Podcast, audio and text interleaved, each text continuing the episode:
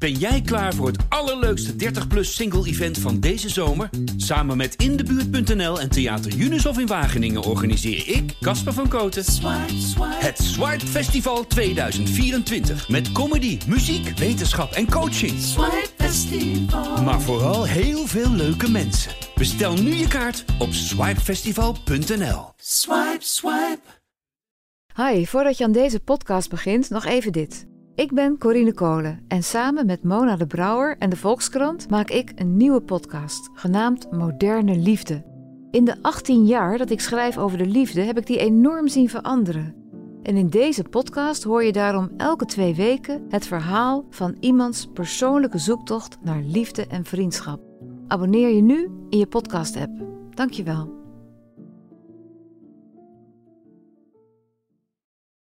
Hallo, mijn naam is Gijs Groenteman. Ik zit niet in een archiefkast op de redactie van de Volkskrant. Ik zit thuis onder de hoogslaper van mijn dochter om een interview uh, aan te kondigen dat ik uh, een dag geleden heb opgenomen. Mijn gast uh, komt uit de beroemde acteursfamilie Reumer. Kinderen van Piet Reumer en kleinkinderen ook inmiddels. de beroemde acteur die op het laatst van zijn leven furoren maakte in de tv-serie Baantje. Waarin hij regisseur de kok speelde. Een serie die bedacht is door zijn zoon, door mijn gast, uh, die tevens producent was van die serie en die ook afleveringen schreef. En nog altijd ook Baantje boeken schrijft. Nadat hij, naast dat hij thriller-auteur is, schrijft hij twee keer per jaar, uh, sinds uh, Appie Baantje is uh, overleden, een nieuwe aflevering in de Baantje-reeks over regisseur De Kok en zijn compaan Fledder.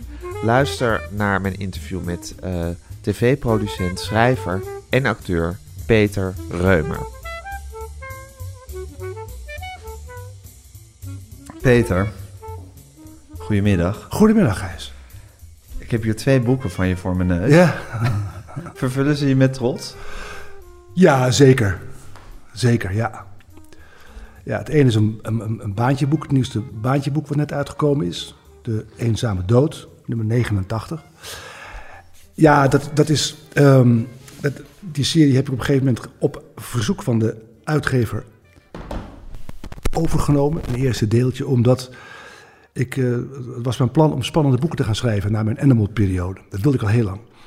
En ik heb niet... Je Endemol-periode, toen je bij Endemol had, uh, had gewerkt. Ik heb twintig ja. jaar ben ik producent geweest Precies. bij Endemol. Ja. En uh, dat was mijn tweede carrière. En toen dacht ik van, het wordt tijd op een gegeven moment op te stappen. Ik moet wat anders gaan doen. En het is altijd uh, uh, het schrijven van spannende boekjes geweest. En toen kreeg ik de... Ik had al een contract met die uitgever voor iets anders. En die vroeg toen, wil jij niet proberen om zo'n... Appie was dood, hè? Om zo'n baantje te schrijven. Ja. Nou, dacht ik, dan kom ik er lekker in. en dat heb ik toen gedaan. En dat uh, beviel eigenlijk... Ik vond het leuk en het beviel de lezer heel erg. Er zijn er heel veel van verkocht. En toen dacht ik, ja, dan schrijf ik er nog één. Ja. En uiteindelijk, moet ik eerlijk zeggen, onder mijn de fundamenten onder mijn schrijverscarrière zijn de boeken van Baantje. Want dat is eigenlijk het enige wat verkoopt. ja. Daarnaast ligt ja. een meesterstuk, dat is mijn nieuwste uh, boek. Uh, uitgekomen in januari, een beetje in de, in de coronatijd, maar toch uh, aardig gedaan. Goeie, veel goede. En nu schaam ik dat ik me schaam dat ik Baantje wel heb gelezen en het meesterstuk niet. Ja, nee, weet je, maar dat is fijn, want dan kun je dan lekker straks gaan lezen. Ja, ja. Dan kun je zelf bedenken of dat en als je baantje schrijft, breng, breng je jezelf dan in een baantje mood, ja. een baantje stemming. Ja. Hoe doe je dat? Nou, in het begin deed, nou, dat, dat, nu zet ik een knopje aan. Ja. Uh, maar in het begin was het wel zo dat ik, um, dan nam ik zo'n boek die wat geschreven was door de Appie Baantje. Ja. En dan ging ik even uh, een kwartiertje in lezen. Mm -hmm. Om uh, toch weer in dat vocabulaire en ding eigen te maken. Inmiddels heb ik het zo naar mijn eigen hand gezet dat de mensen denken dat ze hetzelfde lezen als wat Baantje schreef. Maar het is natuurlijk Peter Inmiddels is het anders. Ja. ja. Alleen, maar het is wel die, die, die lekkere, abollige Amsterdamse sfeer. Zeker. Ja, waarin uh, een, een, een, jonge vrouw niet als huisarts wordt uh, herkend. Ja. ja. En wanneer de vrouw van de, van de kok uh, zich... zich haar hele leven in haar lot heeft geschikt als echtgenote van, van haar man. Ja. En nooit te veel had geëist met haar vuist op tafel. Nou, die hele sfeer ja. en de Jordaan en alles. Ja, die, die, die wand er zo lekker van af. Ja. En ik moet zeggen dat, dat, dat, dat ik dat eigenlijk heel prettig vond. Kijk, zie je nou? Ja. Het is, nou, dat hoor ik graag. Ja. Ja, nee, maar kijk, ze denken altijd, uh, althans, er wordt vaak tegen mij gezegd dat dat uh, uh, voor oude mannen is of zo, die die hele reeks hebben. Maar ik, het is mij inmiddels duidelijk geworden dat ook jonge mensen lezen het. Het is voor jonge mensen die de overstap maken naar de middelbare school bijvoorbeeld een fijn instapmodelletje. Dat lezen ook wel leuker zijn, dat het niet lang hoeft te duren. Je hebt het boekje in, wat is het, twee, drie uur uit Ja. en dan weet je wel, klaar. Ja, dan heb je, is er een moord opgelost. Dan heb je iets meegemaakt Ja. en eh, een beetje gelachen misschien. En, Ja. eh, weet je zo. En een beetje, ja, die sfeer die wel aangenaam is uit de jaren zeventig of zo van Amsterdam. Dat, ja, dat precies. soort, ja. En dat vind je zelf ook prettig om, om je daarin in te, in te verplaatsen in die sfeer? eh, eh, ik vind het ook heel prettig om, daar, om daar af en toe uit te mogen. snap ik, Ja. snap ik, ja. Ja. Als het dag in dag uit zou zijn. Ja, En eh, je, je was natuurlijk ook producent van de, van de tv-serie Baantje, waarin je vader de kok de hoofdrol speelde. Had je toen ook veel contact met Baantje zelf?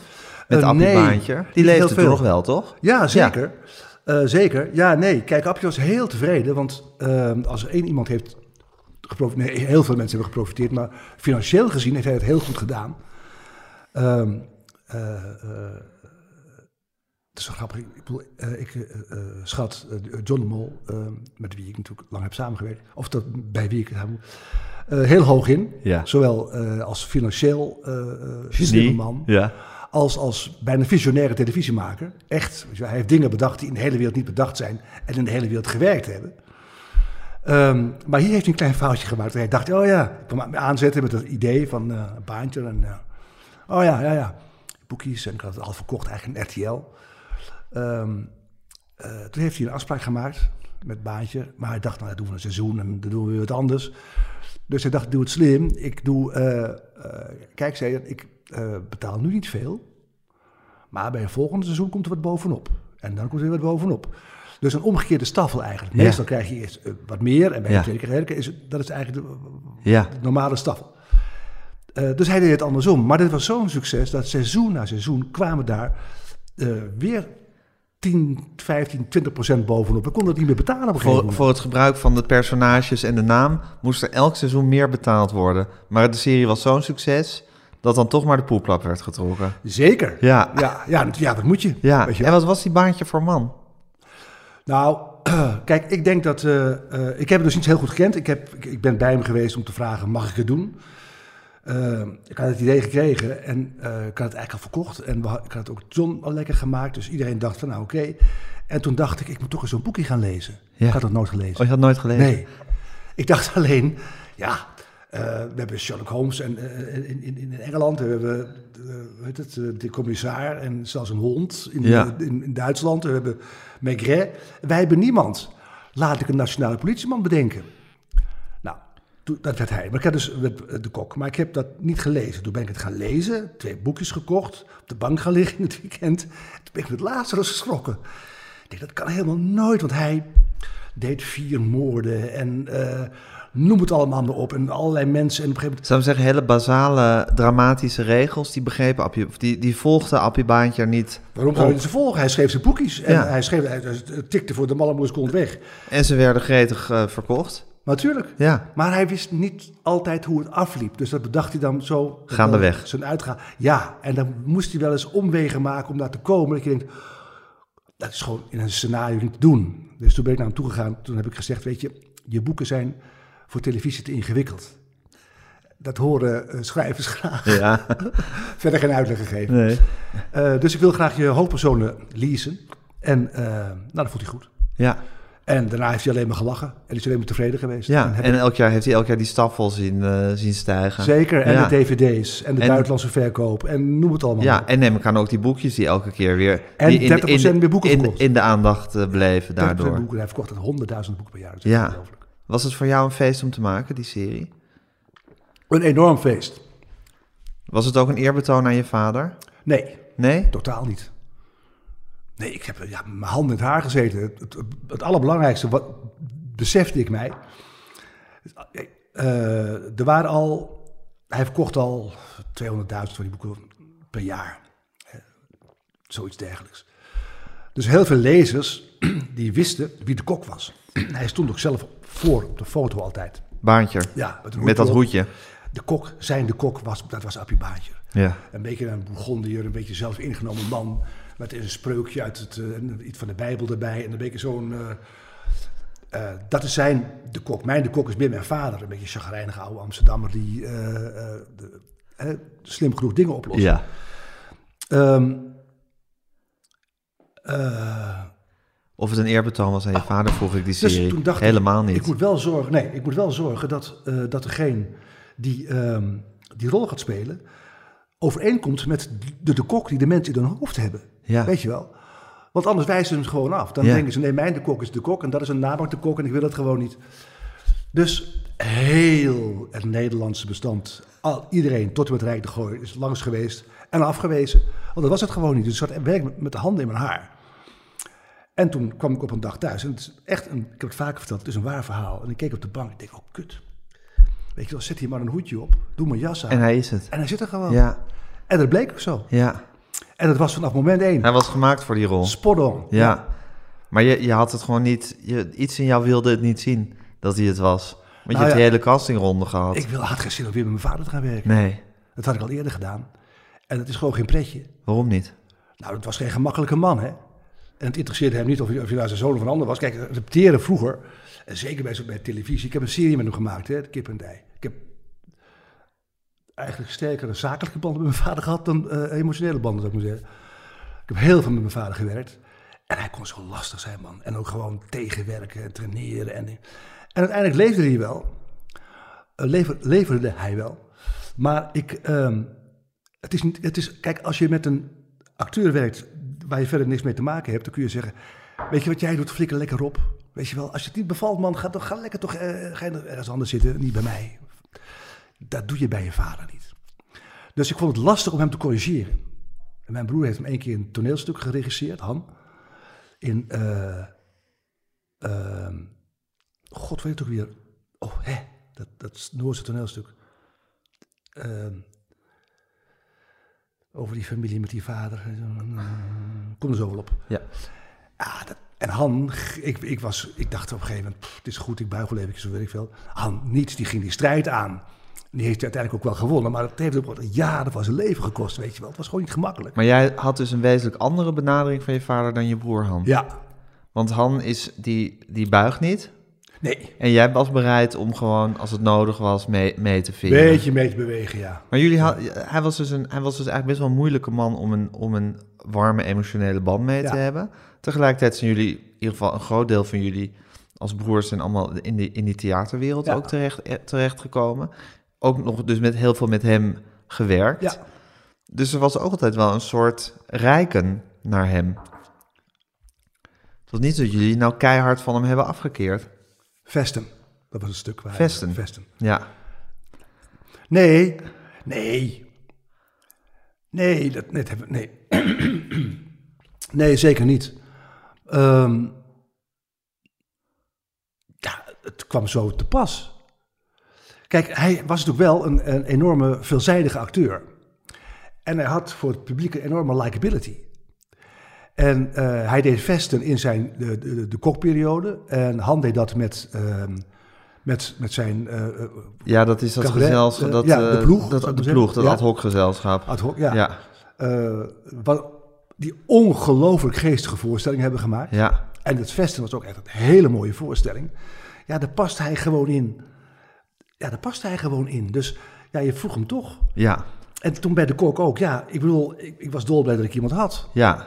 Maar goed, ik ben bijvoorbeeld ook hetzelfde werk als mijn moeder gaan doen. Ja. Min of meer hetzelfde werk. Ja. En ik vraag me toch regelmatig af, waarom in godsnaam? Ja. Waarom, waarom? ben je zo stupid? Dat weet ik niet. Maar er, er zal... Er, nou, ik denk dat er, dat er een heel pragmatische reden is... dat je ook min of meer in dat beroep wordt opgeleid. Tuurlijk. Eigenlijk, als kind. Ja. Sowieso dat je al ziet dat het kan. Ik bedoel... Uh, je kan natuurlijk, weet ik veel, het ergens in Noord-Groningen opgroeien en denken van, oh, misschien dat ik op een dag op het toneel sta. En daardoor een brandende liefde voor het toneel opwekken. Maar je kan er ook gewoon elke dag mee geconfronteerd worden. En het als hele reële optie zien. Van ja, dat is iets heel logisch. Om maar toch ook zien dat het een prettige wereld is. Hoe de journalistiek ook zien dat het een prettige is ook een aardige Zeker. Wereld, je ziet, ja, maar goed. Het, kan. Ja, zeker. Dus je ziet dat het leuk is. Je ziet dat het heel bereikbaar is. Ja. Uh, nou, je kent de weg al een beetje. Dus dat is ook makkelijk. Uh, maar er zit misschien ook iets in van uh, bevestiging willen. Of het het, het, hetzelfde willen doen of uh, kijk mij eens, achtig? Dat, dat zit er bij mij niet in, eerlijk gezegd. Toen ik van school afkwam, uh, had ik maar dan ook werkelijk geen flauw benul wat ik zou moeten gaan doen. Terwijl ik al jarenlang, dat is opmerkelijk, echt gewoon mijn vreten verdiende met schrijven van, van alles. Ja. Voor radio en televisie. Ja. Vanaf mijn vijftiende, zestiende of zo. Ja. Dus daar waren mijn vrienden moeizaam met het laatste check uit het zakje Samsung of Drum. Ja. Een heel dun sigaretje. Kocht jij een slof liet, ik, uh, liet ik de sigaretten rondgaan. Ja. Ja, ja. En dat deed je met schrijven? Met schrijven, ja, zeker. Ja. Uh, en ook wel, ook wel televisie. Ik heb al van jongens af aan heel veel televisie gedaan altijd. Maar om nou... Het kwam niet bij me op om schrijver te worden of, of acteur te worden. Het kwam gewoon niet bij me op. Acteur wilde ik eigenlijk ook niet. dus, maar ja, per ongeluk na mijn school. Ik, zou, ik, ik wilde wel regissie, regisseren, vond ik wel interessant. Dus ik heb toen na mijn middelbare school, afgezien van verdere studie, was niet voor mij... Uh, Weggelegd? Wist ik, nou, wel weg. Ik, maar ik, daar moest, ik, ik rilde bij het idee dat ik nog een stap verder moest. Was blij dat ik die fucking HBS achter de kiezer had. En ik zou stage lopen bij Peter Oosthoek voor een toneelstuk. Groot acteur en regisseur. En regisseur. Ja. Uh, de Cannibalen van Georges Tabouri, prachtig stuk. En daar hadden we een beetje research voor gedaan. En was naar de, naar de Joodse liberale gemeente geweest. Die, die trouwrollen gezien en zo. Prachtige dingen. En dus lezing. Dus ik zit daar glimmend, Pietje Paré. Mijn eerste uh, dag dat ik aan het werk ben. Voor weinig. En die, een jonge acteur die de jonge rol speelt, komt niet opdagen. Dus, nou ja, uh, zei Ben Holsman, die daar zat. Uh, dan leest Peter toch eventjes de rol. Ja, dus ik lees die rol. Ik lees vrij makkelijk en ik had het ook wel, ik heb televisie gedaan, dus ik had daar wel ervaring mee. En, die, die, en dan blijf je eerst een week lezen. Hè? En na die week lezen rond de tafel kwam die gast nog steeds niet. Die had, kon die geen tekst onthouden, er lag in een soort van... Uh... Dus ja, toen werd er gezegd, nou weet je wat, dan speel je hem ook maar. Ja. Nou oké, okay, toen ben ik hem ook gaan spelen. En halverwege de repetitieperiode zei Peter wel, ik denk dat we een kleine vergissing hebben gemaakt. Want ja, ik deed natuurlijk helemaal niks aan. Ik had ook geen idee wat repeteren was bijvoorbeeld. Nee. Echt repeteren, werk uit zo'n rol. Nou, toen gaf ik een beetje gas erop. En ja, dan staat daar zo'n onbevangen jongetje. Want ik was een jongetje. Tegenover Hanbens van den Berg in een concentratiekamp. En die is net door een, jongetje is net door zo'n capo is, uh, gegrepen. En dat is niet zo moeilijk om dan ontroerend te zijn, zou ik maar zeggen. Dus daar zat dan Guus Oster in de zaal. En die dacht, hé, hey, die heb ik nodig voor een volgende. Nou, zo ging het maar door. Ja. Terwijl ik dacht, wanneer houdt het een keertje op? Ja. Echt waar, wanneer houdt het een keertje op? Wanneer stoppen ze met bellen, in godsnaam? Ja. Ja. Jaar erop. Uh, en er waren ook allemaal 120 voorstellingen, hè? Ja. In zo'n in zo'n seizoen toen. En de televisie ging door. Gewoon echt een grote rol aan spelen bij de televisie. En ja, ja, ik zat op die fiets achterop en ik denk, nou, ik zie wel waar ik Ik aan. doe het maar. Ja. Maar ik Ja. heb jarenlang gedacht, dat zal mij benieuwen wat ik morgen zal worden. Ja, Echt want dit is, dit is meer iets toevalligs wat me, wat me overkomt. en vond je dat je er zelf goed in was? Nou, in het begin helemaal niet. Ik, ik, ik- kijk, ik hou überhaupt van niks eh, wat ik niet kan. Dat was ook mijn probleem op school. Eh, omdat ik niet meteen begreep wat die man vertelde, dacht ik, ik haak af zeg. Eh, dus ik moest wel, eh, ik moest wel weer, ehm, eh, ik heb moeten leren om te leren dat je moet leren om ergens te komen. Ja, Het heeft een lange tijd geduurd hoor. ja, Ehm, dus ik vond repeteren echt verschrikkelijk. Want ik moest elke dag laten zien wat ik niet kon. ja, Maar gaandeweg, omdat je 120 voorstellingen speelt van zo'n stuk... en omdat je veel dingen doet, leer je het zelf. En op een gegeven moment zat ik in een voorstelling met Ton van Duinhoven. Otherwise Engaged. Eh, ook zo'n vrije productie, ook 120 keer. Met, met Ina van Vaassen natuurlijk, zijn vrouw. En met eh, Linda van Dijk toen ook nog. En Tom Kuilen.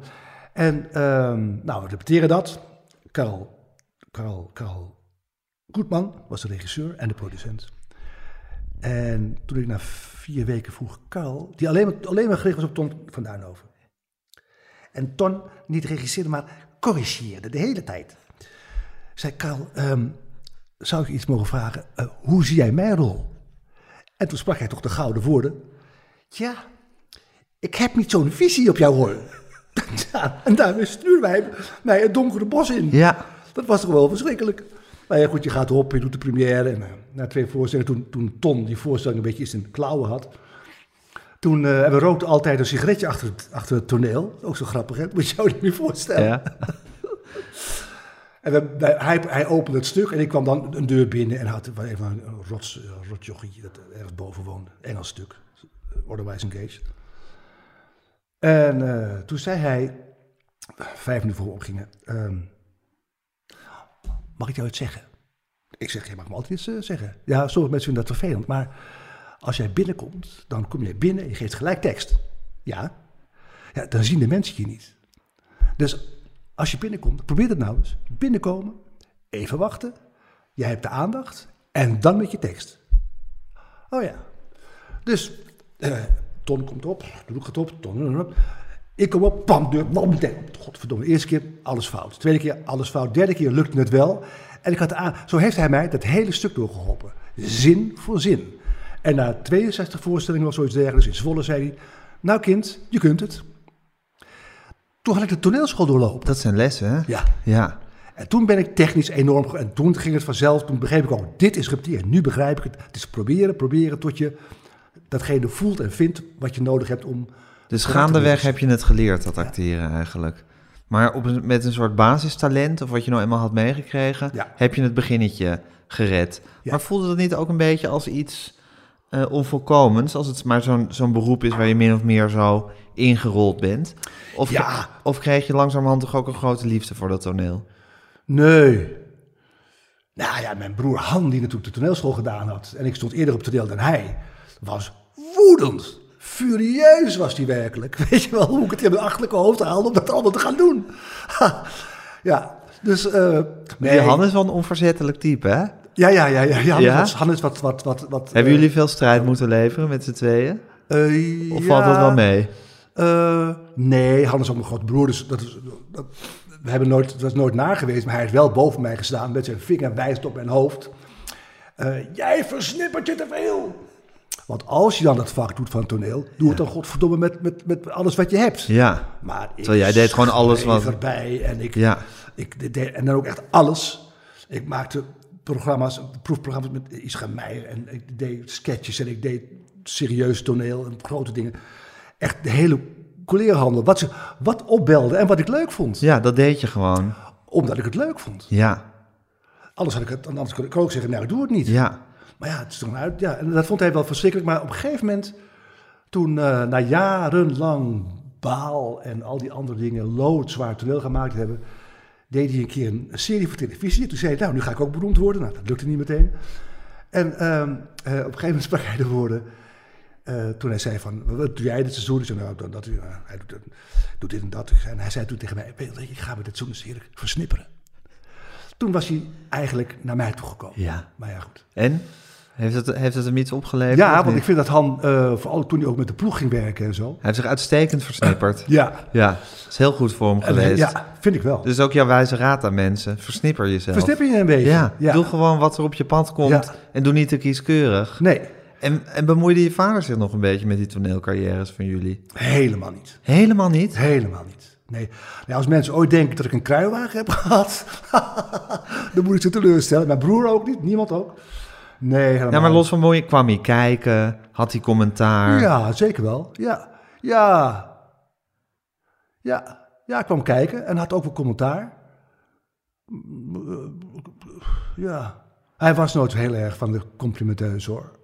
Hij belde niet op en zei, god, je hebt het goed gedaan. Of uh, een complimentje hier, complimentje daar. Heb ik ook echt moeten leren. Hebben we gewoon niet van huis uit meegekregen. En doe je zelf wel bij je kinderen? Dat is door je probeert het. door mijn vrouw ingeslagen, ja. Dat, uh... Ja, wij geven complimentjes ja, aan nee, onze maar kinderen. Op een gegeven moment denk je ook, dat moet, op een gegeven moment denk je ook... Um, kijk, ik heb nooit heel veel problemen met mijn vader gehad. Ik vond het was lastig werken met hem, maar het heeft me ook veel gebracht. Het heeft hem veel gebracht. Het is mijn eer te na dat uiteindelijk zijn grote succes aan het einde van zijn carrière, heb ik hem gebracht. Ja. Doordat ik heb gezegd, nou, ik vind dat die man het moet doen. Daarom vroeg ik, is het een eerbetoon? Uh, dat, ja, was nee, het, dat was het niet. Het was pragmatisch. Wat ik wel prettig had gevonden was, wij, wij wonnen de televisiering, wat ik een wat, kroon op mijn toenmalige carrière vond. Ja. Met baantje, producentenring. Maar ik had gezegd, we, geven, we laten hem uitreiken aan Piet, want dat is zijn derde ring. Dat genereert weer heel veel... Um, pers. Uh, pers. Uh, ja. En uh, Joop heeft niemand in zijn stal met drie ringen. Dus dan prikken we daar nog eventjes fijn een dingetje in. Dat is altijd leuk om je op te prikken. Wie ik een hele goede verstandhouding heb over. Ja. Ehm, maar prikken kan nooit kwaad. prikken kan nooit kwaad. Hij deed het zelf ook. Eh, graag. Ehm, dus mijn vader krijgt hem uitgereikt en deed toen een zwak uh, dankwoordje. Waarin hij niet één keer zei, en ook wel fijn, dat dit allemaal gebeurd is omdat mijn zoon dit begonnen is, bijvoorbeeld. Ja, en me gevraagd heeft. Helemaal niets. Toen was ik wel gekwetst. Dan denk ik, ja, kom op zeg, kom op, weet je wel. Maar hij dacht toen echt dat hij, dat hij de serie was. Ja. En dat was een beetje mijn vader, een beetje megalomaan was het wel. Ja, ja. Maar goed. Maar je vertelt het eigenlijk al met een soort, soort mildheid in je stem. Ja. Ik, ik hoor geen woede bij. Ja, misschien ben je, die, ben je die voorbij inmiddels. Lees het boek, lees het boek. Nee, nee, nee, nee, nee. nee, nee. Een meesterstuk, daar staat het allemaal in. De moord op je vader. Ja. Nee, kom op zich. Doe je daar niet aan? Nee. Nee? Nee. Dat is toch wel een heerlijke eigenschap, hè? Om dit allemaal gewoon uh, schouderophalend van je af te kunnen laten glijden. Je, ook dat uh, mijn vader had ook altijd mensen die... Iedereen was ook overal op uit en keek altijd over zijn schouder en altijd argwanend. Hij was wantrouwig. Wantrouwig, ja. En dat, zat, ik, dat heeft die hele generatie wel een beetje, ongetwijfeld omdat ze uit de oorlog komen. Maar mijn vader was uh, 13, 14, 15 in die oorlog. Ja, weet je wel, het, met echt, echt een pure armoede. De vijand kon overal zitten. Ja, en ook in jezelf, weet je wel. Het was echt pure armoede, dus het was uh, echt heel erg uh, slecht. Niets kon je vertrouwen. En kon je, ik denk dat het daar een beetje vandaan En daarna gingen ze dus keihard aan het werk, die hele generatie. Maar ja, dat, kijk, Kraaikamp was ook geen leuk mens. En Rijk was het ook niet. Het waren allemaal mensen die het na de oorlog gemaakt hebben door heel hard, ook heel erg uh, naar voren te gaan. Ja. En, ik ken, en een hekel aan elkaar te hebben ook allemaal. Ja, natuurlijk. Ja. Ik vertel die over Tom Fortuyn over, die mij zo liefdevol uh, toneel overgedragen ja. heeft. Mijn vader en Tom haten elkaar. Haten elkaar. Haten ja. elkaar. Ja. Die zaten elkaar allemaal in de weg. Ja. Weet je wel, het grote, grote succes, Schapen de Vijf Poten, was een enorm succes. Die drie mensen. Haten elkaar. Nou, haten niet. Nou ja, goed, maar één grote... Alleen was wel een vriend, maar ze vertrouwden elkaar nooit. Iedereen zei voor ander onbetrouwbaar. Adela, totaal onbetrouwbaar. Leen, onbetrouwbaar. Piet, onbetrouwbare lul. Ja, iedereen vond elkaar onbetrouwbaar. Maar en jouw moeder bijvoorbeeld, wat was dat dan voor iemand? Mijn moeder was een baken van liefde, licht en lichtheid. Maar dan is het dus geen generatiekwestie. Dan is het een nee, karakterkwestie. Nee, nee, mijn moeder deed huis. Ja, weet ik wel, maar die zat toch ook in die generatie? Ja, maar die was, die was, die, daar, zat geen, daar zat geen, maar ook echt geen millimeter kwaad bij. Die heeft het over mijn vader verdragen natuurlijk, al die... Al die dat is dan wel een fascinerend huwelijk geweest. Ja. Hè? Want die waren dus ongeveer te tegenovergestelde krachten wat dat betreft. Ja. Je vader een nurkse, wantrouwige, emotioneel beetje gemankeerde man. Haar, ook natuurlijk. Ook nog. Hè? Zij ook allemaal natuurlijk, ja. En je moeder een, een baken van licht en liefde ja. en warmte. Ja. Ja. En mijn vader kon niet, mijn vader, kon niet zonder haar poepen. Het was echt ongelooflijk. Mijn moeder wel zo... Hij kon alleen maar zonder haar vreemd gaan. Ja. Dat was het enige wat hij zonder haar ja, kon. Ja, buiten spelen. Ja. Ja. Ja. Um, uh, en mijn moeder heeft het echt verdragen, zal ik maar zeggen. Uh, Eigenlijk die eer, een van die eerste zinnen zoals je die, zoals je die in baantjes schrijft. Ja, ik vond het op een manier een zin die mij... Uh, als we naar de balletvoorstelling ja. ja. willen gaan... Ja. Gaat ze, dan, dan schrijf je over die... Van, ja, dat kan ik niet vinden... Oh, hier staat hier ergens, denk ik. Dus het is wel... Uh, het is in het begin. Het is op de eerste bladzijde. Ja. Uh, zij had, ze had nooit geklaagd en haar lot liefdevol en in stilte gedragen. Ja. Schrijf je over de vrouw van Ja. Baantje. Dat zou ook voor jouw moeder kunnen gelden. ik, als ik over... Daarom is mevrouw de Kok voor mij een karakter wat mij... eh, eh, ehm, Na aan het hart ligt. ja, omdat het mijn moeder is. eh, in, ook, ook in humor, want ze heeft ook... ik probeer altijd in die boeken ook een beetje licht en lucht. te- Ja. En ze heeft af en toe grappige zinnen, vind ik. En ook, het, het- de kok begint in het boek, hij gaat naar ballet. Niet omdat hij dat wil, maar omdat zijn vrouw dat graag wil. Ja. Dus hij hijst zich in een smoking, Ja. die hij eigenlijk bijna niet meer past. Ja. Dit is een scène uit mijn ouderlijk huis. Dus hij, bij wijze van spreken, hij probeert die knoop van die broek dicht te krijgen. En zijn vrouw hoort hij neurien in de badkamer. Terwijl zij bezig is zichzelf mooi Ja. te maken voor die avond. En dan eh overpijnst hij inderdaad dat het zo fijn is dat hij dit kan doen. Want meestal wordt hij gestoord omdat er weer ergens een lijk ligt. Op dat moment gaat zijn telefoon. En dan schrijf ik, in de badkamer stopt het neurieën. Ja. Ze wist meteen hoe laat het was. Ja. En dan, en, dan, en dan aanvaardt ze weer eh, eh, hoe dat verder gaat. Ja, ik vind dat wel mooi. Je kunt zeggen, het is uit een andere eeuw, is het ook. Maar Baantje is het uit een andere eeuw. Zeker, Dus, maar dat maakt het ook heel over. prettig. Maar eigenlijk beschrijf je dus gewoon je ouders.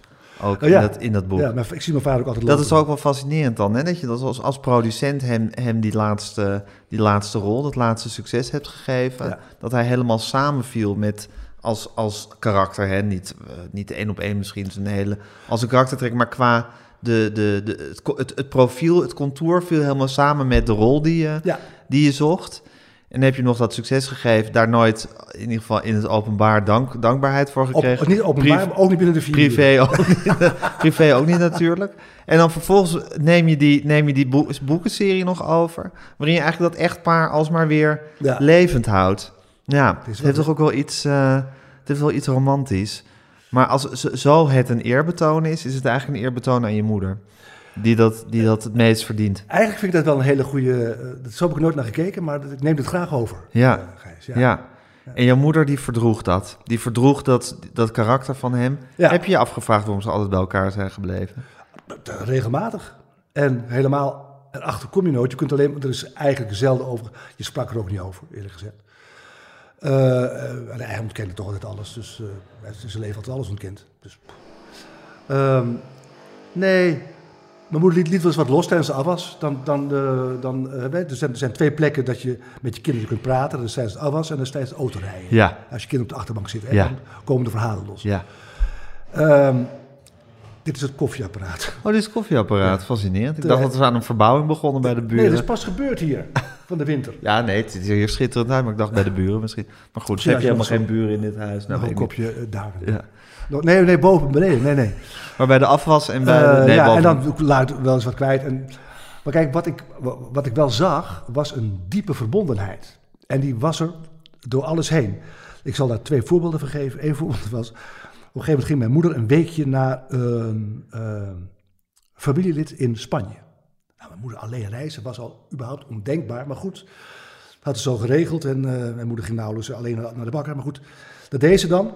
En eh wij woonden op de Parnassusweg. Mijn vader woonde op Driehoog en eh, Paul of Bart woonde op één hoog. Twee hoog en één hoog, sorry. En Bart zei, ik hoorde hem de hele week boven lopen. Ik denk, wanneer gaat hij nou de deur? Hij is de deur niet uit geweest. Hij kon de deur niet uit. Hij was onru- Du moment dat mijn moeder na een week terug was, zei hij, fijn dat je er weer bent. Plop, En weg was hij. ging weer buiten spelen. Dus totaal ontregeld als mijn moeder er niet was. En als ze er wel was, onmiddellijk buiten weer spelen. buiten. Ja, ging hij weg. En eh, later, mijn moeder was toen al redelijk dement.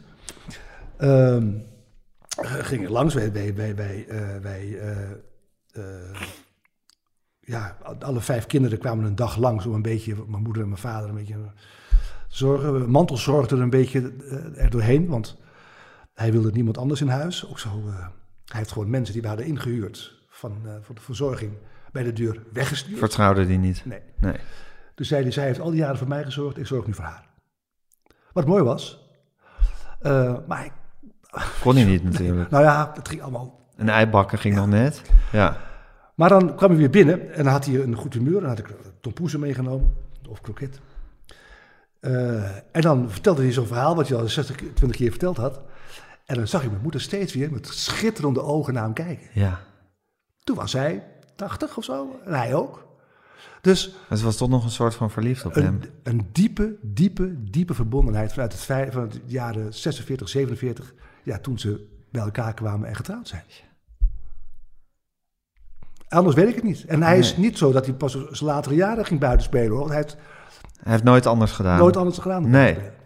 En dat was ook gewoon een soort van... eh, ja, een soort iets wat iedereen wist in het gezin, maar waar het niet over gepraat werd verder. Nou, nee, wist niemand wist dat. Het Oh, was- niemand wist nee, dat? Nee, zo niet. En wanneer kwam je daar dan achter? Nou, toen mijn broer en zuster eh, zelf het nachtleven ingingen, dus eh, zo zeg maar eh 16, 17. Hè, en mijn zuster was ook wel een eh, behoorlijke Rouwdouwer. Yes. Uh, en die hoorde ineens de verhalen. Nou, toen viel hij, die op een enorme grote pilaar stond voor ons kinderen, Ja. met donderend geraas naar beneden. en eh, ja, mijn broer en zus hebben toen wel heel lang, toch wel behoorlijk hard aangepakt. Oh ja? Verkeerd, ik heb dat nooit gedaan. Dat zit niet in jou, die, eh, Nee, die woede. En ook die rechtlijnigheid van jouw broer Han. nee, Nee. nee. En ik heb me altijd afgevraagd, vanaf het allereerste begin, ik ben geboren in 52, en toen eh, was hij kolenman, met drie kinderen. Ja, en echt geen, niet een nagel, maar geen hand om aan je reet te krabben. Weet je, helemaal Nee. niets, niets, niets, niets, niets. En binnen tien jaar, hij sprak plat Amsterdams, er was niks anders gewend, eh, is toen nog eh, naar de toneelschool geweest, drie maanden. En dan zat hij met Sigrid Koetsen en Ramse Shaffi en eh, nog zo'n klasje zat hij, eh, die allemaal keurig ge- gekwaffeerde kinderen waren Ja. uit heel andere... En hij legde op een gegeven moment, want hij was al, had dan al s'morgens vanaf zes uur zijn wijk gedaan. Legde om elf uur zijn pak brood op, eh, op de, de tafel en ging zitten schaften. Dat ging niet goed. Maar ja goed, toen is hij toch vanaf dat moment tot eh 58, 59... Toen was hij ineens de populairste man van Nederland. En die stap maken, ja, dat is, een, dat is dus maatschappelijk gezien van het onderste naar de bovenste sport. En zeker toen hij Stiefbeen deed, dus tien jaar later. Ja. Een hele beroemde tv-serie Er waar die in zat. Ja, ja. Roemt, Stiefbeen en Zoon. Er was geen populairder mens in Nederland dan hij. In tien jaar. Dat, je ziet wat er gebeurt met die sporters als ze, als ze op, een, op, op het, op het schild Je wordt gek natuurlijk. Ja, Ja. dus dat is niet zo raar. En je laat het je smaken. Ja. Dus ik heb begrepen dat. Ik heb altijd gedacht, ja, dat, dat moet zo'n dat moet zo'n ehm, omslag zijn geweest. Die geestelijk bijna niet te maken is. Dat, eh, nou, ik heb er altijd wel begrip voor gehad. Ja. En sommige dingen waren jammer. Ja. En hij ontkende alles, zoals je net in de bijzin zei. Oh, dat, was, dat, was zijn, eh, dat was zijn tactiek. Tactiek. Wel, wel- welk verwijt je hem ook voor de voeten gooide? Ja, of wat je, wat je ook zegt, gewoon niet waar, je moet niet zeuren. Ik heb ook een, een, een les van eh, John de Mol geleerd. En het grappige is, die is, nou, ik zal je vertellen wat het was. Hij zei, kijk, als je nou in bed wordt betrapt met een andere vrouw. En jouw vrouw komt binnen, ja. Dan moet je zeggen dat het niet waar is. En dan gaat ze schelden en zeggen van, ik zie het toch, ik zie het toch, ik moet blijven volhouden. Het is niet waar, het is in het verkeerd gezien, het is gewoon niet waar. Na drie dagen gaat ze aan zichzelf twijfelen en na vijf dagen heb jij gelijk. en het is waar. Ja. Het klopt, als vier jaar Trump, die heeft niet anders gedaan. Weet je wel? Hele wijze les van John de Mol. Ja. Gewoon vol, blijf volhouden. Ja, dat is is ook hoe ze natuurlijk mensen tot valse bekentenissen dwingen. Ja. Gewoon maar blijven zeggen, je hebt het wel gedaan, beken het nou maar, je hebt het gedaan. Uiteindelijk- Op een gegeven moment kom je gewoon in een soort rare loop en denk, nou ik zal het wel gedaan hebben, ik zeg het maar gewoon. Ja. En zo kan je ook alles laten geloven. Ja. Ja. Wat zijn mensen toch een wonderlijke wezens, hè? Wonderlijke wezens. Heel Ja, wonderlijk. ja, ja, ja. Maar misschien heb je ook als, eh, en is het da- daarom ook dat je schrijver bent geworden, heb je ook een soort empathisch vermogen. Dus dat je je in je vader hebt kunnen verplaatsen Ja. en kunnen denken van, nou ja, het zijn allemaal schofterige streken en het was misschien niet de meest warme man, maar eh, hij heeft die en die geschiedenis. En eh, Ja, en hij heeft vanaf het allereerste begin, hij heeft altijd voor zijn gezin gezorgd. En altijd voor mijn moeder gezorgd. Ook voor, eh, ook ervoor zorgd dat als hij dood zou gaan, dat, dat het allemaal in stand zou blijven zoals het, zoals het was. financieel gezien. Financieel gezien. Ja. Hij is altijd heel erg bang voor armoede geweest. Dus dat heeft hij, heeft hij keihard aan gewerkt om dat eh, eh, ehm, voor mijn moeder ook en voor hem te consolideren. Wij, hij, wij, hij heeft ons meteen vanaf het allereerste begin eh, naar de middelbare school gedaan. Wat heel raar is voor het milieu waar we uitkwamen. Want ja, in de Egmond Wasstraat ging helemaal niemand naar de middelbare school. Maar mijn broer Han ging naar het gymnasium, Anne ging naar eh MMS geloof ik. Eh, ik ging naar de HBS. Dat, dat is nooit... Nooit een vraag geweest. Nooit. Nee. En dat, ja, en wij vonden dat, wij zijn, wij zijn, er is wel armoede geweest in het, in het, in het begin, maar nooit in armoede opgevoed, Nee. opgegroeid. Dus hij heeft altijd alles aan gedaan om het gezin eh draaiende te houden. Ja, en dat waardeer je dan weer in hem. Nou, dat is toch geweldig? Dat is toch ook eh, heel fijn? Bedoel, hij had ook weg kunnen lopen of zo. En, eh, en dan, ja, en hij dan met een van die vrouwen met wie die buiten speelde vandoor Ja. kunnen gaan. En ja. nog een, dan weer, weet je wel, een- een- zo'n ongeluk. Dus je hebt in ieder geval altijd een hele grote praktische sowieso loyaliteit aan het gezin eh, gevoeld. Hij zou altijd Ja. voor jullie hebben gezorgd en dat, dat, was, dat, was, eh, dat was nooit de kwestie. Nee, Nee, nee, alleen voor de emotionele voldoening moest je bij, moest je, bij je moeder zijn. Ja, en dat was ook geen, eh, heel veel liefde, maar ook geen, was geen knuffelgezin bijvoorbeeld. heb ik ook moeten Dus leren. ook moet je van je vrouw moeten leren. Ja. Ja, dat je kinderen... Ja, zeker. Ja, kijk, mijn vader vrij was op zondag, ging hij naar Ajax. Maar niet met mij. Of, weet je wel, ging hij met zijn vrienden. Dus dat was altijd wel... eh, dat, dat, ja, dat, daar, dat, daar kwamen ze ook niet uit. En kan mij het schelen, weet je wel. Dat kan me echt wel niet schelen. Hoe heb jij de belangrijke emotionele lessen in je leven geleerd? Van je vrouw? Ja, uiteindelijk wel hoor. Mijn eerste huwelijk, hè, ik heb het ik ben twee keer eh, getrouwd. De eerste was, was een, toen was ik een kind, wat ik zeg, wat ik zei. Toen moest ik mezelf nog opvoeden en ik had eerst een carrière die op me afkwam waar ik ook niks aan kon doen. En dan twee kleine kinderen. Ik, mijn eerste kind kreeg ik toen ik 22 was, geloof ik, Nienke. Ja, man, onmachtig om daar volwassen mee om te gaan.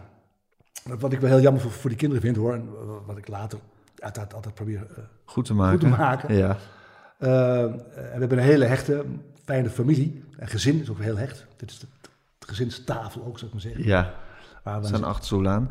Her, herken je in, in, die, in, die om, in die onmacht van destijds, herken je je vader? Uh, ja, dat denk ik wel. Ja. Ja, die moest ook door, hè. Die moest ook echt door. Ja, maar herken je ook de, zal maar zeggen, de emotionele onmacht die je toen Ja. had? Uh, in in hoe, Oh, je, zo, hoe, ja. hoe, hoe je vader emotioneel Vast. onmachtig was. Ja. Ja, vast. Denk je dat je deep Dat down op je vader lijkt? Ja, vast. Alleen deep down. Ik bedoel, ik heb ook uiterlijke kenmerken. Dus- De uiterlijke kenmerken zeker. Dat Ja, kunnen we allemaal zo fysiek, constateren. Dat je dingen denkt, oh ja, dat had mijn vader ook. Een, Ja. een, een, een bultje op zijn knie of eh, dat soort rare dingen, weet je wel. Maar ook hoe je reageert op si- situaties. Eh, ik denk dat dat, eh, ja, nou, ik denk wel dat ik volwassener ben dan mijn vader. Ja. Als ik heel eerlijk ben. Ja, maar je hebt dingen geleerd misschien Ja. in de loop der jaren. Ja. Daarom vroeg ik, wat, wa- wanneer heb je de belangrijke emotionele lessen geleerd eh, in je leven? Ik ben al, ja, emotionele lessen heb ik geleerd. Eigenlijk na mijn dertigste, dus zo'n beetje eh, eh, na mijn scheiding. Dan begint het, dan krijg je dus een rouwverwerking van zo'n scheiding. Dan ben je toch geneigd om na te gaan denken, wat heb je dan gedaan fout. Eh, en toen, ja, mijn, mijn, mijn, samen zijn met Annette is heel belangrijk geweest daarin. Ja, zij is acht jaar jonger. Maar op dat gebied eh, eh, was ze een stuk ouder, een stuk verder dan ik. Lichtjaren verder. Ja. Dus dat is En heel wat, leer, en wat leerde zij je dan? Nou ja, ehm, dat je af en toe moet zeggen dat je eh, eh, dingen leuk vindt. Of dat je een keer een gebaar moet maken. Of dat je... En het is niet zo dat, eh, dat ik het lastig vind. Alleen het kwam gewoon niet bij me op. Nee. Ehm, ja, nee, hoe, je, hoe je je moet opstellen ten opzichte van je kinderen. En dat je er ook tijd voor vrij moet maken. En dat je... eh, Dat als ze iets gedaan hebben, dat je ook kan zeggen van, goh, mooi was het. ja. Ja. En dan nog hoor, denk ik dat het vader... Weet, weet ik wel, heel erg zeker. Als je mijn zoons vraagt en mijn dochter. Ja. dat er vaders zijn geweest die veel meer met die kinderen gedaan hebben dan ik. Eh, alleen ik heb mijn best gedaan. Ja. En ik doe nog steeds mijn best. En we hebben een enorm hecht gezin. En ik werk met al mijn kinderen, ook dat nog. Dat is ook het rare, dat gaat ook maar over van generatie op generatie, weet je wel. Ik bedoel, ik werk nu met Thijs. Ja. Jullie zijn onverbeterlijk, en dat is ook hè? niet makkelijk trouwens. Niet makkelijk? Nee, Nee. natuurlijk niet. Eh, maar goed, dat maakt niet uit. Het- maar ook daarin, kijk, daarin, eh, kijk, waar mijn vader, nou ja, wat ik geleerd heb ook, ik ga nog wat ik over geleerd heb, eh, Ja. is ook zo leuk. Op een gegeven moment heb ik, heb ik, eh, heb natuurlijk wel een positie gehad in Nederland, dat producenten. eh, Ja, zeker. Eh, ook allemaal mee aankomen waaien, maar goed, buiten dat. Op een gegeven moment heb je een positie. En dan, toen heb ik genoeg van, en dan ga je terug. En dan moet je je beseffen dat je eh, een stukje van die apenrots af moet. Je hoeft er niet helemaal vanaf, Ja. maar je moet naar beneden. Want je moet beseffen dat er mensen zijn die, bijvoorbeeld eh, mijn zoons, eh, eh, wat, ik wijs hierop omdat we hier- hiermee bezig zijn. Ja. Ehm, eh, Thijs, ja, die moet ik dan de ruimte geven om zijn dingen te doen en niet blijven zeggen ja maar. Of maar ik en toen ik. Want daarmee frustreer je hem en je frustreert de verhouding. En ehm, dat, is, dat zijn vaak, dat is een pijnlijk proces. En als je om je heen kijkt, dan zie je ook heel weinig mensen die dat eh, daadwerkelijk doen. En die dat gracieus kunnen doen. En gracieus kunnen Ja. doen. En er uiteindelijk ook gelukkiger van worden. Ik bedoel, wanneer, gaat John, wanneer doet John de Mol die stap naar beneden? Never. Never. Dat kan niet Nee. gewoon. Het zit niet in, maar daar wordt hij niet gelukkiger van. En dat geldt ook voor zakenmensen en voor, eh, Voor iedereen. voor iedereen. Ja. Ja, ik las hem vanmorgen. En hoe heb jij dat dan gedaan, uh, Peter? Um, ja, op een gegeven moment gedacht. Uh, ongetwijfeld weer omdat mijn vrouw zei: je moet hem de ruimte geven. Um, gedacht van ja, dat is ook logisch. Uh, maar dacht ik, ik hoef niet helemaal naar beneden. Want Thijs ging een beetje hetzelfde doen als jij, hè? Ik bedoel, die was acteur en die ging ook produceren. Ja, en schrijven. Ja. Wat en schrijven, ja. precies, ja. ja. En natuurlijk zijn gelijk. En uh, dat staat dan tegenover mij gelijk. En dan, nou, dan moet je een weg zien te vinden. En soms moet je denken, oké, okay, ga maar. Ja, ik heb op een gegeven moment bedacht, dat doe ik. En uh, ik stap gewoon terug. En uh, I don't care. Dat maakt me niet uit. Ik vind het prima. Ik uh, blijf wel alleen hier zitten. Ik ga niet helemaal naar beneden. Ik blijf hier zitten om even te kijken hoe het gaat. En wat is de positie die je koos om te blijven zitten? Nou, zo'n beetje eronder. Onder ja, ja. Top. Dus niet meer als de baas? Nee, maar wel, maar ook wel weer beschikbaar voor klusjes. Ja. ja, nou ja, goed, kijk, hier ben ik de baas. Ja, als je een boekje schrijft. En, ja, en dan is de uitgever reuze uh, tevreden. En uh, ja, ik ben een van de weinige, ik ga het nu zeggen, maar ik ben bijna, bloos ik, bestsellerschrijvers van Nederland. Maar het is gewoon zo. Twee keer per jaar worden er 20.000 boeken verkocht. Dat is ongelooflijk. Ja, met dank aan, de, aan het naambaantje ook. Hè, die Zeker. hier zo ja, in die schitterende vormgeving Zeker. Nee, op de kaf staat. Ik ben, ik ben, ik ben die vormgeving is ook al eeuwenlang, ja. Ja, maar het hoort erbij, Heeft, man. heeft Appie Baantje dat ook zelf ontworpen, denk ik, die, voor, die letters en zo? Nee, op zijn uh, Windows-computer? Nee. nee, maar hier, dit is heel belangrijk. Dus we zullen erom te lachen. Ja, ik zit er keihard om te heel lachen. belangrijk. Dit is, kijk... Uh, kijk, want hier hebben we je, je roman Een Meesterstuk. Ja. Die ziet er gewoon uit als een ja, chic uitge, uitgegeven ja, literaire thriller. Ja. Is het ook? Ik ben heel benieuwd. En hier hebben we Baantje de Kok en de Eenzame Dood. Ja, en dan zien we zien een fotootje van, uh, van een marktkraam. En in, in die, in die ja. ja bekende rode baantje letters ja. staat er baantje. En dan in diezelfde lettertype, maar dan in wit staat er de titel. Maar je moet je voorstellen, Gijs, als mensen de, de, winkel binnenkomen en ze weten, augustus en januari ligt er een, dan lichten hun ogen op als ze dit zien. Dat Zoals er een nieuwe Donald Duck op de zo, kan liggen. Zoals de nieuwe Donald Duck op de mat ja. Maar zo is het maar net. En dan zie je ook weer het plaatje van Donald Duck als uh, Ja, en, dat moet, en dat moet ook altijd hetzelfde lettertype zijn. Ja. ja. Het is herkenning. Er wordt heel lang gesproken over de, over de voorkant trouwens. Hè. En die gaat, ik word altijd mij voorgelegd. En dan uh, vertel ik wat ik ervan vind. En hoe het moet. Hoe ik vind dat het moet. Daar ben ik iets directiever in dan als ik met mijn zoon samenwerk. Je hebt gewoon iets te eisen. Maar de volgende, hoe, de, hoe de volgende omslag eruit moet zien? Weet ik al. Ja, maar goed, daar wordt lang over gepraat. Ja, ja, ja. Wel, welke foto het is. Ja. Ja. En wat, wat was de overweging? Ik bedoel, waarom hebben we... Want, want het gaat over, over iemand die op de markt werkt. Ja, ik vind dit ook niet het sterkste hoor. Maar ik heb bijvoorbeeld een... Uh, en dan zie je ook gelijk... Dat, dat sommige verkopen beter dan de andere. Er is één... Ja, ik heb de hele stapel boven liggen. Uh, met, een, met een heel... Uh, dat springt er gewoon vandaan. Een, een kermisomgeving. Een kermis op de Dam eigenlijk. Ja. En ja, dat, dat, wap, dat springt naar je toe. Dat, dat, dat werkt. Het, het concertgebouw, ja. paf, dat werkt gewoon. Ja. Volgende deel, deel 90, is het paleis op de Dam. En ik vond als ik deel 90 maak, dan moet zo'n lijk gevonden worden in het paleis op de Dam. Uh, dat is ook leuk, want dan krijg ik ook rondleiding en zo. Weet want je, je vindt dat er bij ronde getallen, bij jubilea, moet er iets speciaals zijn. Dan moet het een speciale moord zijn. Bij 80. Toen dacht ik, dat vond ik wel, toen had ik 10 boeken geschreven van Baantje. Ja. En dat vind ik wel iets bijzonders, dus ik wil dat in een bijzondere locatie. Ja. En toen zei ik, uh, toen wilde ik graag het concertgebouw. Nee, het werd aangedragen, we dachten van het concertgebouw. Het concertgebouw. Toen heb ik daar ook een rondleiding gehad door het hele gebouw. Fascinerend mooi gebouw. Ja. Heel klein. Ja. Maar, maar één... Uh, en nog een soort doolhof. En, een, en ja. toch een doolhof, ja. ja. Met een geheime lift voor de dirigent naar beneden, met een zijdeurtje. En ja. man, Speciale ik ontvangstkamers op gekke plekken. Ja. Ik vond dat geweldig. Ja. En toen uh, uh, had ik bedacht, uh, als we voorspelen, voor een, voor een nieuwe een bassist bijvoorbeeld, dat gaat achter een gordijn. En er zit een commissie achter het gordijn ja. en luisteren alleen maar. Dat is overigens... Idols, een van... gepikt door John de Mol. Zeker. Ja. Dan kan je ook vertellen wie hem dat aan de hand gedaan heeft. Jij? Nee, ik was het niet. Maar je bent wel... Rolf van Velsen wordt er toch altijd gezegd? Heel close. Rolf van Velsen was... Maar mijn broer is het ook. Je broer? Paul is het ook, ja. ja. Um, dus ze hebben een beetje gecombineerd. Maar dat maakt niet uit, hè. Als je handig combineert en je maakt een wereldhit... dan heb Zeker. je iets heel goed gedaan. Absoluut. Ja, en dan ga je zitten te luisteren en dan uh, zeggen ze, ja, komt daar de nieuwe bassist komt op. Ja, begint u maar. Uh, ja, ja, beginnen ja. Dat was een en dan gaan ze, en dan ligt die bassist ligt dan over de bas dood en dan gaan we oplossen. Nou, dat is een begin, uh, dat zag ik helemaal voor me. Dus dat was het concertgebouw. Toen, 85 dacht ik, ik doe de Stopera. Ja.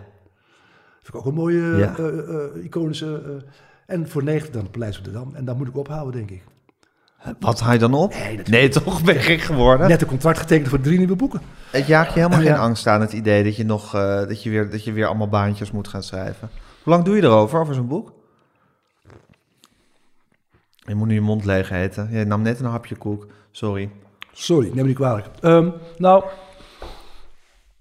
ehm, dat hangt er een beetje vanaf. Ja, ik, ik reserveer meestal januari, februari en ehm, eh, augustus, september, juli, augustus, zo'n beetje, voor een deel. Maar ik eh, schrijf het eh, ietsje sneller. Maar dan heb ik wel al het verhaal ehm vast in mijn En hoofd. hoe komt zo'n verhaal tot je? Ehm, nou ja, Je hebt het concertgebouw. Je denkt een nieuwe bassist wordt vermoord. Nee, ja, nee, concertgebouw. Eh, ik wil bij die, bij, die, bij, die, bij die vaste deeltjes altijd iets. Eh, bij, die, bij die jubileumdeeltjes, eh, de 80, 85, eh, nu 90, waar ik eh, al ja, een hoofdstuk eh 11 of 12 toe ben. Ehm, wil ik een beetje een, een, een, een, een, plotje zoals baantjes ze graag maakten. Met iets meer moorden. En iets wat dan een beetje uit elkaar. En wat, wat, met brieven of briefjes of, of weet ik veel dingen die dan weer, weet je wel, een puzzeltje eh, maakten. Een beetje zo, een beetje Ja. ouderwets mee puzzelen. Een beetje, Ja. eh, terwijl bij deze eh, is het een wat losser familieverhaal. Ja. En ehm, dat vind ik dan wel weer mooi, omdat het eigenlijk alleen maar over emotie gaat. En ik wil heel graag... Kijk, waarom schrijf ik die boeken? Eh, Niet omdat ik er beroemd mee wil worden. Zo ik, bedoel, ik schrijf het onder de naam... Mijn naam staat er wel op. Heel maar- klein op. Maar het is Baantje, weet je. Ja. Ja, in de, in, de, in de lijsten staat gewoon Peter Reumer. op- Ja, ja, heb ik gezien. Maar ik neem aan dat het ook een soort eh ereding is. Nee. Dat is een geldkwestie, wat? Geld, een ere dat het ook leuk is om gewoon elke keer, ja, om die puzzel te leggen. Over hem. Ja, zeker. natuurlijk. Een tribute toe. Ja, natuurlijk. Ja. Ja, ja, zeker. Ja. Ja. aan de oude mensen. Ja, natuurlijk. Ja. Is dat zo. Ehm, eh, dus dan denk, ik- dan denk ik een beetje eh, zoals hij die dingen Ja. bedacht. maar meestal, eh, ja, ik wil op een gegeven moment, ik, ik, schrijf graag over plekken. Dat deden we al toen we die serie maakten. Toen zeiden we, gingen aan het begin van elk seizoen gingen we zitten met een aantal schrijvers. En dan zeiden we, oké jongens, waar gaan we die lijken neerleggen? En Amsterdam, in beeld, was een belangrijk onderdeel van het Ja. succes van de serie. Ik moet eventjes hoesten. Ja, hoest even. Wij doen dit gesprek, dames en heren, geheel zonder mondkapje. Ehm, Heerlijk, hè? ja, Ja. De moord met het mondkapje. Oh, dat is ook een flink aangezien. Ja. Eh, dus eh, dat doe ik nog steeds. Op een gegeven moment dacht ik, ik wil een ruzie eh, in een kermisfamilie. Dat lijkt me nou leuk. Dat kan Ja. ik, ik denk gewoon, ik denk altijd, ik denk in scènes. Het is één groot toneelstukje wat ik opschrijf, Ja. maar dan in proza. En ik denk aan een beetje, ik wil, ik wil het schrijven nog steeds omdat ik leuke karakters in wil schrijven. En dwarsige mensen, flinke buurvrouwen die uit het raam hangen op de Lindegracht, weet je wel. Dat vind ik leuk om te schrijven. Aan de kok kan ik verder niks doen. Nee. Verder ook niet. Is Nee. heel erg. Ik heb toen het, eh, toen het eh, na twaalf jaar genoeg was, hadden we een enorm groot feest. We hebben een toespraakje gehouden als producent. En toen mijn vader en eh, Fledder, oh wat erg, Victor. Ja, Victor en eh, hier. ja, ehm, nou, naam, ik heb corona gehad en sindsdien is mijn naam Echt waar? nog... e- Ja. Oh, ik hoorde ook dat je, dat je IQ eh, achteruit kon gaan. Nou. Maar je hebt niet op de IC gelegen, hè? Nee, Ze willen nu onderzoek doen naar of het ook gewoon bij, als je mildere corona had, ik heb het trouwens ook gehad, Ja, oh of, ja. je, of je IQ dan ook eh, achteruit kan zijn gegaan. Nou, het is bij mij voor. Nou, weet je of mijn IQ achteruit gegaan is? Waarschijnlijk. Nou ja, nog wel. verder. Nog Zoveel verder was het niet, Nee, ja. Nog verder achteruit. Dan kom je onder het nulpunt. Maar eh, namen, wat ik al moeilijk vond altijd, is bij mij nog erger geworden. In ieder geval. Het is wel goed om het aan corona te wijten, niet aan je leeftijd. Ja. Nou ja, vroeger had ik zo met, eh, met de. eh, ik ben verbijsterd geweest dat ik nooit gevraagd ben voor de slimste mens bijvoorbeeld. Weet je wel. Omdat ik altijd. Zullen de jonge mensen, heel leuke cabaretiers, groot gelijk.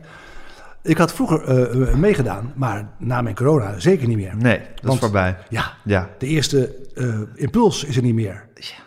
Weet je wel? Erg, hè? Dus Vind je het erg? Hinderlijk vind ik dat, ja. Ja. ja omdat ik ver- vertel ik een verhaal en dan moet ik weer zeggen van... eh, eh, met, met, Hoe heet Ja. Van die regisseur die... die, die Maar man, goed, Victor Renier, vermoeiend. En mijn vader sprak ik toe en heb toen gefeliciteerd met het feit... dat ze twaalf jaar lang vorm hadden gegeven aan twee bordkartonnen karakters. Ja. Nou ja, toen zag ik die koppen werkelijk zo naar beneden gaan. Het was een feestreden. Maar dat was het echt. Dat waren affe karakters. En voor een schrijver is niet zo saai als een af karakter. Ja. Je kan hem niet laten meemaken. Ik mocht van Baantje, de oude Baantje, dat karakter lenen van de kok. Maar hij mocht geen wapen dragen. Hij mocht niet vloeken. En hij mocht niet vreemd gaan. Ja, ik bedoel... Uh, ja, wat blijft er dan nog over eigenlijk? Ja, ja, een broodje kroket of een haring bij de, de stal van Arie. Ja. Een cognacje bij Louis. Ja. Dus, uh, maar die andere karakters, daar kan ik mee... Spelen. Aan de gang gaan. Ja. Dat is mijn plezier ook. Ja. Ja, en dan leg ik iemand ergens neer. Ja. En dan, legt hij, en, dan, en dan ontrolt het verhaal zich vanzelf. Weet Ja. jij wel altijd waar je uit gaat komen? Anders dan baantje? Uh, uh, ja, ik weet altijd wel hoe het ongeveer in elkaar steekt en wie het gedaan zou kunnen hebben. Maar heel vaak halverwege denk ik, ja, maar nu weet iedereen het. En nu ga ik naar Toch hem. een even een heel Ja. andere afslag nemen. Ja. Ja. Eigenlijk, op dat punt zit ik nu een beetje. Heb je een leuk leven, Peter? Ja, Ja? ja. Hoe bevalt het ouder worden je? Je hebt een stapje terug op de apenrots. Ja, Met liefde. ja. Ja, dat is heel fijn. Nou ja, eh, ehm, ik las ook, ik lees vele, ook gisteren, eh, iemand die zei als je ouder wordt, het plezier daarvan is het niet dat je eh, onthecht raakt, maar je bent er niet meer vast aan verbonden. Dus je staat naast de maatschappij, maar je hangt er ook niet meer met alle kluisters in. Heel veel dingen denken van, ja, natuurlijk begrijp ik het wel, weet je wel. Eh, Het zal wel. Water under the bridge. Ja, en ik- niet dat ik daar nonchalant in ben of zo. Maar het grijpt me allemaal niet meer zo aan. En ja, mijn vrouw en ik, wij zijn gezond. De kinderen zijn gezond. Ik klop het even af. Ja. Eh, zij is nu een, eh, een schooltas kopen voor, het, voor Rosa, die naar de middelbare school gaat, naar het uh, Barlees. Eh as we speak. Ja, nou ja, we wonen niet onprettig. Ik heb, ik schrijf, dit, ik heb enorm veel eh, plezier van dit boek, want ja, het echt, eh, Het meesterstuk. Het meesterstuk. Maar ja. het boek heet, ja. ja, ja, het meeste. Het meesterstuk, ja. Want eh, nou, daar heb ik heel veel complimenten over gekregen. En dat ehm, Doet je goed. doet mij goed. Ja. Ja, ach. Ach, Gijs, dat zal ik ervan Je aanvaardt het aftakeling met dankbaarheid. Ja, ach ja, weet je, het is, het, je kunt er wel tegen gaan vechten en zo. Maar eh, Het is toch de grote tragedie die we allemaal moeten moet door- doorstaan. ja, Ja. ja. en het grappige is, we, we staan er nooit bij stil. Niemand staat er eigenlijk echt bij stil. Maar dat is het gegeven van het leven. Dat je aftakelt en dat je doodgaat. Du moment dat je geboren wordt, Ja. begint het aftakelingsproces. Everyone who's not busy born is busy dying. Zo Zoals. Bob Dylan Ja. ooit zei. Ja. Zong. Ja. En dat, nou ja, dat, ik kan niet zeggen dat ik er niet mee bezig ben hoor. Ehm, maar ja, het is wat het is. En ik, ja, er is ook geen, ik heb, eh, wat ik ook heel Je hebt ook wel een vind, soort prettig soort simplisme over je. simplisme. Ja, Ja. bedoel ik niet lelijk, maar dat je, het Nee. leven, dat, je, dat je het leven neemt zoals het is. Dat je het karakter van je vader hebt genomen zoals het is. Dat je je, je stapje terug op de apenrots neemt zoals het is. Eh, het is niet anders. Of, of smelt, smelt hieronder wel een, een, een, eh, een eh, woede of... Of ben ik een hele goede interviewtechniek aan het uitproberen? Nee, ik, ik, denk, denk dat mijn vrouw er anders over spreekt. Nee, er is, nee, er is geen woede. Er smelt geen woede. In mijn carrière, waar ik toch wel een aantal mensen ben tegengekomen. Ik heb ook geen vrienden hoor, dat wil ik daar ook, eh, eh, ook geen vrienden uit, het, uit, uit die tijd meegemaakt. Ik heb wel vrienden, maar niet, niet echt meegenomen uit het uit de toneelwereld. Uit toneelwereld, het Of uit de, of uit de televisiewereld. Veel bekende. Eén iemand, één iemand slechts die ik werkelijk nooit meer hoef te zien, maar voor de rest eh, vind ik het ook prima. Deuren dicht en eh, de groeten. Eh, ik ga met iedereen goed om. Eh, oh, ja, er gaan wel eens dingen verkeerd. Ja, ja, daar maakte ik mij vroeger meer zorgen over dan nu. En ik kan heel goed dingen in een laadje stoppen. Ik heb een hele goede ladekast in mijn hoofd. En dan is het opgeborgen. Dan is het opgeborgen en daar Ja. heb ik geen last van. Daar heeft mijn vrouw eens last van. Dat jij het dan opgeborgen hebt en dat het dan onbereikbaar is geworden. Terwijl er moet nog over worden gesproken. Of er moet nog, eh, nog zes keer worden... eh, Doorgenomen en eh, doorgeleefd. Ja, ja. want daar zijn vrouwen toch weer anders in dan die mannen al. Ja, en jij misschien ook weer anders dan andere En mannen. ik anders andere ja. mannen en mijn vrouw anders dan andere vrouw. Dus Ja, ja, nee, ik, ik aanvaard het vrij snel. maar hierin lijk je dus ook op je vader. Die was ook zo, denk ik. Die moeten, die moeten een gigantische ladekast Het is opgeborgen en we hebben het er niet meer over. Ja. Ik ontken het nu ook verder gewoon, ja. dat het überhaupt is gebeurd. Ja, ik heb ont, ja. En als je, het maar blijft, als je het maar blijft ontkennen, dan uh, is het ook niet waar op een gegeven moment. uiteindelijk wel, ja. Ja. ja. ik weet niet of het makkelijk is, maar ja... Ja, ik weet niet... Uh, het lijkt zo... Uh, het, is, ja, het lijkt simplistisch inderdaad, maar... Het is niet ja, simplistisch is misschien alsof, alsof het dom is, maar het is... Het is uh, je, je maakt dingen niet gecompliceerder dan ze zijn. Nee, laat ik het, het is een filosofie. Laat ik, dat ja. ik geloof ik liever. Ja, en zoals wat je, wat je vertelt over hoe jij met je vader omging... en hoe je broer Han met je ja. vader omging. Hij ging de strijd aan en moest het, moest het uitvechten tot op het bot. En jij had iets van, nou, dan buigen we een beetje mee. Ja. Dan werkt het toch ook. Ja. En dan kunnen we weer met een nieuwe draaidag beginnen. Ja. Ook goed. Is ook zo, ja. Het moet ook allemaal binnen het budget gedraaid worden. Dus, uh... Precies. Ja. Dus al, al te veel tijd om ruzie te maken is er gewoon niet. niet. Nee. nee. En er is wel iets wat mij toch ook weer daar enigszins, waardoor ik toch weer anders ben dan mijn broers en mijn zussen, denk ik. Kijk, uh, ik ben een schrijver. En dat ben ik geweest vanaf het aller, aller, allereerste moment. Uh, mijn eerste verhaal, dat is overlevering, want het verhaal is niet bewaard gebleven. Kon ik net een potlood vasthouden en ik schreef het eerste korte verhaal. En dat was Het circus in de stad. Punt. Dat was het verhaal. Dus dat was nog korter dan de onlangs, ons, onlangs uh, uh, vertrokken, weet die... Aal Snijders. Snijders, ja. ja. Maar blijkbaar had ik daar een heel idee bij, weet je wel. En dat heb ik, dat blijkbaar als kind heb je dat dan... Nou, vervolgens heb ik altijd, in mijn puberteit daarna, heb ik geschreven. ik ben hoorspelen geschreven, ik heb toneelstukken geschreven. Op je vijftiende was je al broodschrijver? Broodschrijver, letterlijk, ja. Nou, bij Centrum uh, toneelstukken geschreven. Uh, leven door. Maar daarnaast ben ik altijd wat geweest. Acteur geweest, regisseur geweest, producent geweest. En daarnaast was ik schrijver. En nu ben ik schrijver. Sinds een aantal jaar, sinds tien jaar. En daarnaast doe ik dingen. Maar dat schrijver, uh, dat zal ik altijd blijven. Tot de laatste adem. En dat heeft Han bijvoorbeeld niet. Han is, heeft het teruggetrokken en hij uh, doet allerlei dingen. Maar toneel of het... Hij heeft laatst in televisie gedaan en hij zei ja ik vroeg me af, wat doe ik hier eigenlijk? Toen ik om me heen keek. Um, dus ik heb mijn eigen wereld. Ik heb mijn eigen kleine apenrots. Privé-rots, waar ik bovenop zit. En waar ik de hele dag uh, in leef, of op leef. Ja. Dat is het eigenlijk. En daar kan je jezelf gelukkig mee prijzen. Dat is toch een van de grote puzzels in het leven, zeg ik nu als iemand die de, die de 50 nadert. Dan ga je dat soort vragen stellen. Ja. Is hoe, hoe, hoe word je waardig oud? Ik bedoel, hoe zorg je dat je, dat je, dat je, er, nog, dat je er nog een beetje toe doet, zonder dat je mee hoeft in, uh, in het gekkenhuis daarbuiten. Ja, maar dat is een enorme grote mazzel, dat dit, dat dit is zo. Ja, schrijven kan altijd. Ja, maar schrijven, nou, ik moet schrijven. Ik ben ook toen ik op een gegeven moment bij, de Mol, bij Animal te lang niet schreef, acht jaar niet geschreven. Ja. Uh, en op een gegeven moment alleen maar manager. Ik toen implodeerde je. Ja. Oh ja, wat kreeg je? Uh, weet je iets? Een, uh, ja, overwerkt. Een burn-out. Ja, maar geen burn-out. Burn-out Een burn-out, maar geen burn-out. Maar goed, er, moet, er moest weer geschreven een worden. Muur, zou ik maar ja, ja, maar dan is het waar je tegenaan liep. Maar dan is er dus toch misschien iets met, met al die ladekastjes waar je alsmaar dingen in stopt.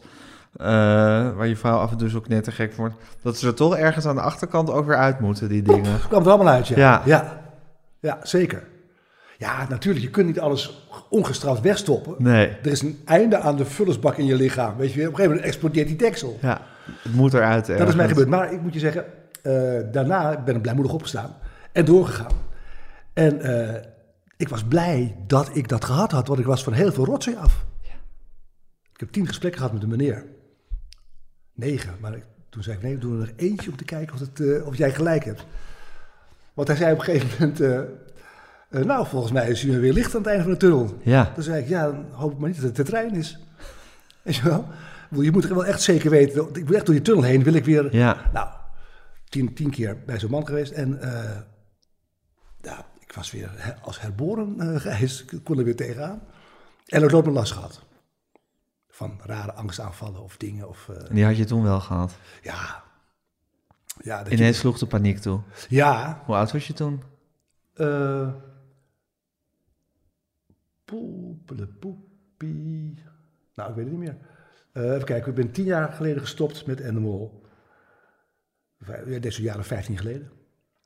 Ja. Toen ik ruim tien jaar producent was. Ja, dus was je ook even in de 50. Ja, in de Ja. 50. Ja, ja, maar trek het je niet aan. Nee, maar dat is gewoon Dat- een moeilijke Dat wil leeftijd. je niet zeggen. Ja, Ja, dat is ook een moeilijke leeftijd. ja, Ik vond het ook een leuke leeftijd hoor trouwens. Want die kinderen zijn een beetje groter en wat meer zeker. vrijheid. Maar het is ook het moment dat je de, dat je de, dat je de ouderdom moet gaan aanvaarden. Ja, en hoe ga ik nu nog... Want Hoe ga ik er nog toe doen? Ja. ja. Dus vaak zo bij, bij, bij acteurs, hè. Dat is heel grappig. eh nou, je gaat- dat hebben we heel vroeg gezien. Dat die tot de 40, 42, dan zijn ze nog eh, eager en, eh nou misschien nu ietsje langer, maar vroeger dan. Eh, en dan zien ze dat het volgende pad is eigenlijk alleen maar die ene rol die ze goed kunnen. Dat was zeker bij die gro- grote gezelschappen toen nog. En, en daarom wilde ik geen acteur worden. Nou, dat herinner ik me nu ineens weer. Ik zag heel veel bittere collega's om mijn Ja. vader heen. Die die ene rol alsmaar aan het spelen Alleen die ene rol speelden. Ja. En eindeloos die bussen gingen om die ene rol te spelen. En af en toe een keer buiten mochten spelen. Heel eventjes. Nou, dan niet die buiten spelen, maar mochten Ja, een ander rolletje, een ander soort rol mochten spelen. Een snabbeltje, zoals het dan heette, Ja. weet je wel. En eh, heel veel verbittering en drank en, eh, heb ik voorbij zien komen. Dat vond ik een hele nare kant van het toneelspelen. Dus het toneelspelen had ik eigenlijk al eh terzijde gezet. Ja, Wilde ik niet meer. Maar ja, goed, hebben we het over gehad. Maar eh, ja, nee, dat schrijven, dat, hou, dat, dat is het houdt je in leven. dat is wat ik ben. Nou ja, dat is Ja. wat ik ben, wat ik doe, elke dag doe, elke dag. Ook al schrijf ik niet, dat schrijf ik toch. Gaan we er nog even mee door, Peter? Ik eh, Geef je een coronabox? doe mijn best, dank je. Dankjewel. Ik ga nu ook een meesterstuk lezen. Ja. Nadat ik baantje, eh, Laat het me weten. je laatste baantje heb uitgelezen. Wat, ga- wat staat me te wachten, Peter? Iemand die een geheim ontdekt stierf 30 jaar geleden. Nee. Dat staat op hier op de voorkant. Zeker, en dat is ook waar. Dat is- Maar het gaat over een. eh, eh, er is, er is een, eh, een jonge vrouw, een kunsthistorica. En die heeft schilderijen van haar grootvader, 30 jaar geleden. Ja. hingen in zijn, in zijn eh, werkkamer. Waar er was een drieluik. En een van die schilderijen voor haar eindthesis, zou ik maar zeggen. he- wil, wil ze ontleden helemaal. Zo, Ja. Zowel chemisch als op, op, op, op, op, op, elk niveau achterhalen wat die schilder daarmee bedoeld heeft, hoe hij dat gedaan heeft, et cetera. En nou, dat is een 18e eeuw schilderij van een Isaac Pieters, die niet bestaat overigens. En dan eh, gaan ze zo'n, nemen ze een stukje van, het, van die verf en dat wordt in hars ge- gegoten en dan gaan ze al die laagjes bekijken en uiteindelijk komen ze op een laagje en dan zien ze door de, door- de, de, pigmenten dat dat 17e eeuw is. Dus er zit een schil- schilderij uit 16 zoveel onder. En dan gaan ze nog wat verder en dan blijkt er een schilderij van Rembrandt onder te zitten. En niet zomaar een schilderij, maar een heel speciaal schilderij. Waarvan delen ontbreken en die heeft hij, zij gevonden. En dan gaat de hele kunstwereld uit heel Europa valt over de heen. Dus het is een soort van ehm, junior James Brown, maar dan uit Nederland. Nee, James Brown. eh, eh, eh, James Brown. Van de Da Vinci Code, of niet? ja, die Brown. Ja, Ja. Dan Brown. Dan. Brown, ja. James Brown. Komt allemaal door corona, Peter. rocker, ja. Dat was corona inderdaad. Dat was weer een met staaltje Dus dat is corona. het. Dus het, is, het, is, het is een actieding. Maar wel aardig, hè? interessant ook geloof ik. Ik ga het lezen. Dankjewel, Peter. Graag gedaan. Dit was Met Groenteman in het Nieuwe Normaal met Peter Reumer. Mijn naam is Gijs Groenteman. Ik maakte deze podcast samen met Daan Hofstee. U kunt zich abonneren op alle mogelijke manieren. U kunt ons een mailtje sturen, podcasts.volkskrant.nl. En eh, volg ons op Instagram, @metgroenteman.